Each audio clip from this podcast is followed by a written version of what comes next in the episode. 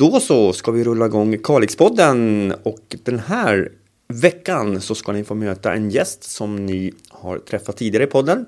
Eh, vi kommer att ta upp ett ämne som berör väldigt många. Vi kommer också prata om lite grann om planer, tankar, eh, visioner och ett nytt projekt. Eh, Veronica Utterström, välkommen! Tack snälla! Hur är läget med dig? Men mycket bra. Jag tycker trots rådande omständigheter som har varit för oss eh, med anledning av corona om man tänker sista halvåret så tycker jag nu att det känns klart bättre. Vi ska prata om ett projekt som du håller i och kommer att dra igång här inom en hyfsat snar framtid. Jag vill bara först eh, uppdatera lite grann. Sist när vi satt här och pratade då, då skulle du till Piteå och jobba. Hur, hur var tiden där? Det har varit tufft, ärligt, men otroligt lärorikt och jag är otroligt tacksam att jag fick vara del av det. Ja, du jobbar ju på covidavdelningen då i Piteå ska vi säga. Ja, det stämmer. Som intensivvårdssjuksköterska har varit med och hjälpt till, men det är avslutat nu då. Då så ska vi prata om det här ungdomsprojektet som nu går via den så kallade ungdomsfonden som har kommit till just under den här coronatiden. Vad är syftet med det här projektet? Syftet med projektet är att eh, nå ut till ungdomar. Att eh, jag med det här till, projektet kommer nå ungdomar genom att kanske besöka ute på samhället, olika träningsforum, olika andra allmänna forum, men också att kanske finnas på sociala medel. Och syftet med att nå ungdomarna är? Att de kanske ska söka kontakt för en dialog, och på sikt kanske eh, uppnå en bättre hälsa och välmående. Hur är läget just nu bland ungdomarna i Kalix? Alltså jag tror ju generellt i det stora hela så är det bra. Men såklart som inom allt så finns det ändå vissa ungdomar tror jag som inte alltid mår så bra. Och där tänker jag att jag och mitt projekt kan komma till hjälp. Hur, hur bemöts du ute på samhället? Men både och. Eh, lite som du och jag har pratat om innan det här att jag har ju en bakgrund som polis och det gör ju att en av de liksom bästa egenskaperna i det arbetet är ju att kunna kommunicera med människor. Så såklart att jag fördjupar de förmågorna i det arbetet, men mycket i mina andra arbeten också. Men jag tycker ändå att jag blir bra bemött och ofta med en positiv attityd. Det handlar ju om att få kontakt med ungdomar. Hur tänker du där? Men där tänker jag så här, precis, och jag tycker det är bra att du tar upp det, för jag tänker vara rak och öppen och ärlig med att det är inte alltid så lätt att liksom sträcka upp handen och säga jag mår inte bra, jag behöver hjälp på olika sätt och speciellt som ung då du är kanske i en pubertet och du utvecklas och ja, du vet knappt kanske vad som är upp eller ner eller höger eller vänster. Och då tänker jag att att finnas på sociala medier med hemsida och lite andra forum kan vara en bra ingång där ungdomar kan söka mig där vi inte ses fysiskt alltid. Sociala medier det är ju egentligen idag ungdomarnas nyhetskanal också. Det är där man får informationen och söker informationen och får kontakter också. Absolut, och, och jag tänker så här, där kan det också vara så att man delar viktiga budskap. Och sen kanske det är så här, vissa kanske inte tar till sig någonting, någon tar till sig kanske ett ord och faktiskt det ordet kan få en avgörande betydelse i en människas liv som kanske står på en sida som jag delar då för andra.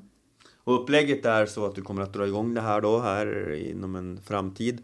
Eh, vi kommer att dela med oss av det här projektet under resans gång i olika kanaler. Eh, det här är ett, en kanal vi kommer att använda, det vill säga podden. Absolut, och sen kommer jag finnas eh, på Instagram där jag håller på. Det är uppstarten, jag kommer gå ut med det sen när det är klart ett Instagramkonto där man når och en hemsida som eh, inom kort är klar då, som kommer att heta Be, Be You Star. Och du vill gärna komma i kontakt med, med framförallt ungdomar då som, som kanske berättar om sin, sin tid och hur läget är och så vidare? Ja, och sen också att, att vi ska passa på att säga så. Finns det de som kanske anser sig att de har passerat ungdomsstadiet eller är ungdom och får eh, liksom tillåtelse av sina föräldrar får de jättegärna vända sig till mig om de har någon berättelse, någon händelse som man faktiskt vill dela som kan vara växande och lärande för andra. Det tror jag är viktigt att trycka på det.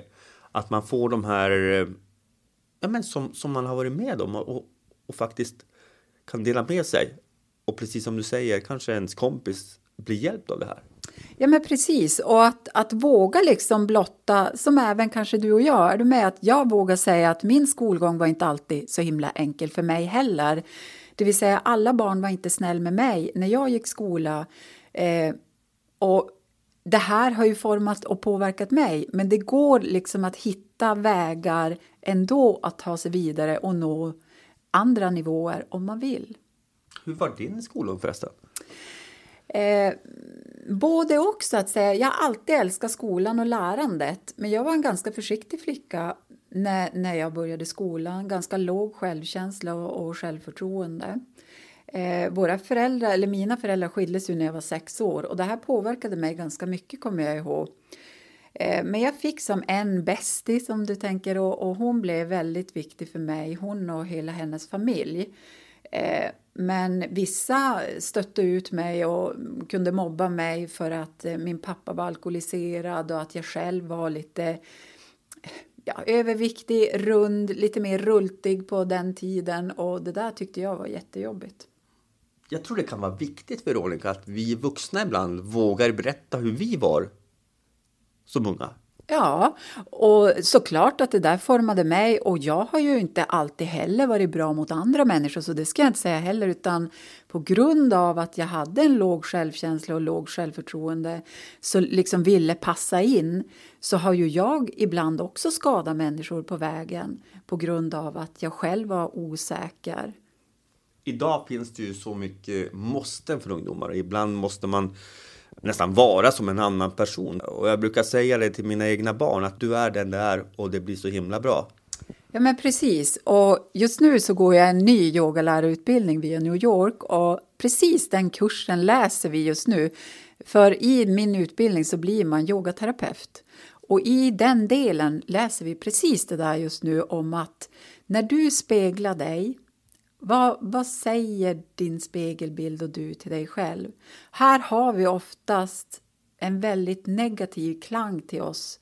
Alltså där vi kan liksom inte alltid vara så snäll med oss själva. Det kan ju vara allt från att vi inte tycker om vårt hår till att vi inte tycker om vårt ansikte, vår näsa, våra ögon, öron, rynkor, inte rynkor och så vidare. Istället för att, att lära dig att faktiskt se din spegelbild och tycka om den du ser eh, om inte annat successivt, så man lär sig lite varje dag. Jag tänker också där, skolan är ju en miljö där alla ungdomar ska vara och bör vara. Men där finns ju också olika förutsättningar.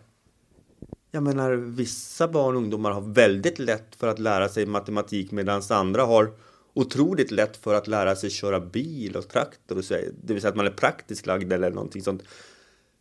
Men alla är ju lika viktiga, oavsett vilken kunskap man har.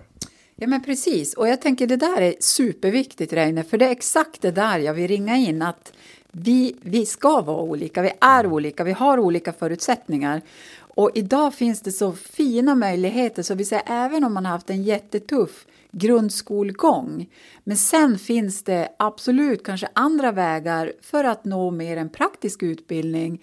Allt är ju fullt möjligt om man själv vill. Men då gäller det att man själv också måste vara med och dra lite tillsammans med kanske vissa vuxna runt omkring, även om det inte är ens föräldrar.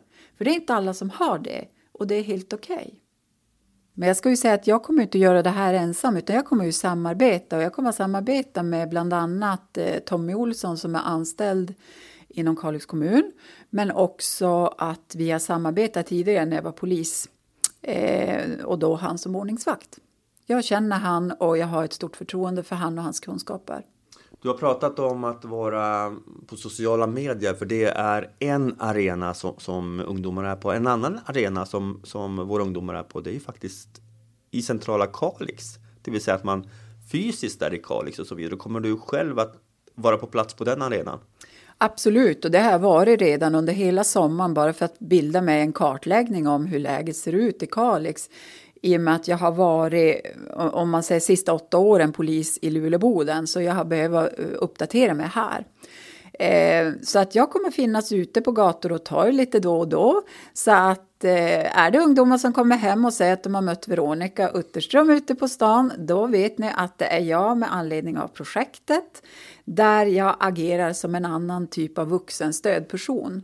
Där jag kommer samarbeta även med vuxna på stan, socialtjänst, polis, Kalix kommun med flera. Mm. Bra, det här var ju bara ett inledande snack. Eh, men vi kommer att ha rätt lättsamma snack här i, i podden och prata kring det här och det kommer att uppdateras då med mell, jämna mellanrum. Men vi tänkte också bjuda in lite gäster. Eh, och då pratar vi gäster i den målgrupp som vi har eh, beskrivit här. Precis eh, jag har tänkt mig så här att vi ska bjuda in gäster i podden där vi tar in personer som berättar om olika intressanta teman som, som kanske ligger i, i närtid för ungdomar där de befinner sig. Så det kan ju vara allt från motorsport till någon idrott till dans eller liksom konst eller vad den kan vara. Men någonting som berör eh, ungdomar eh, kort och gott.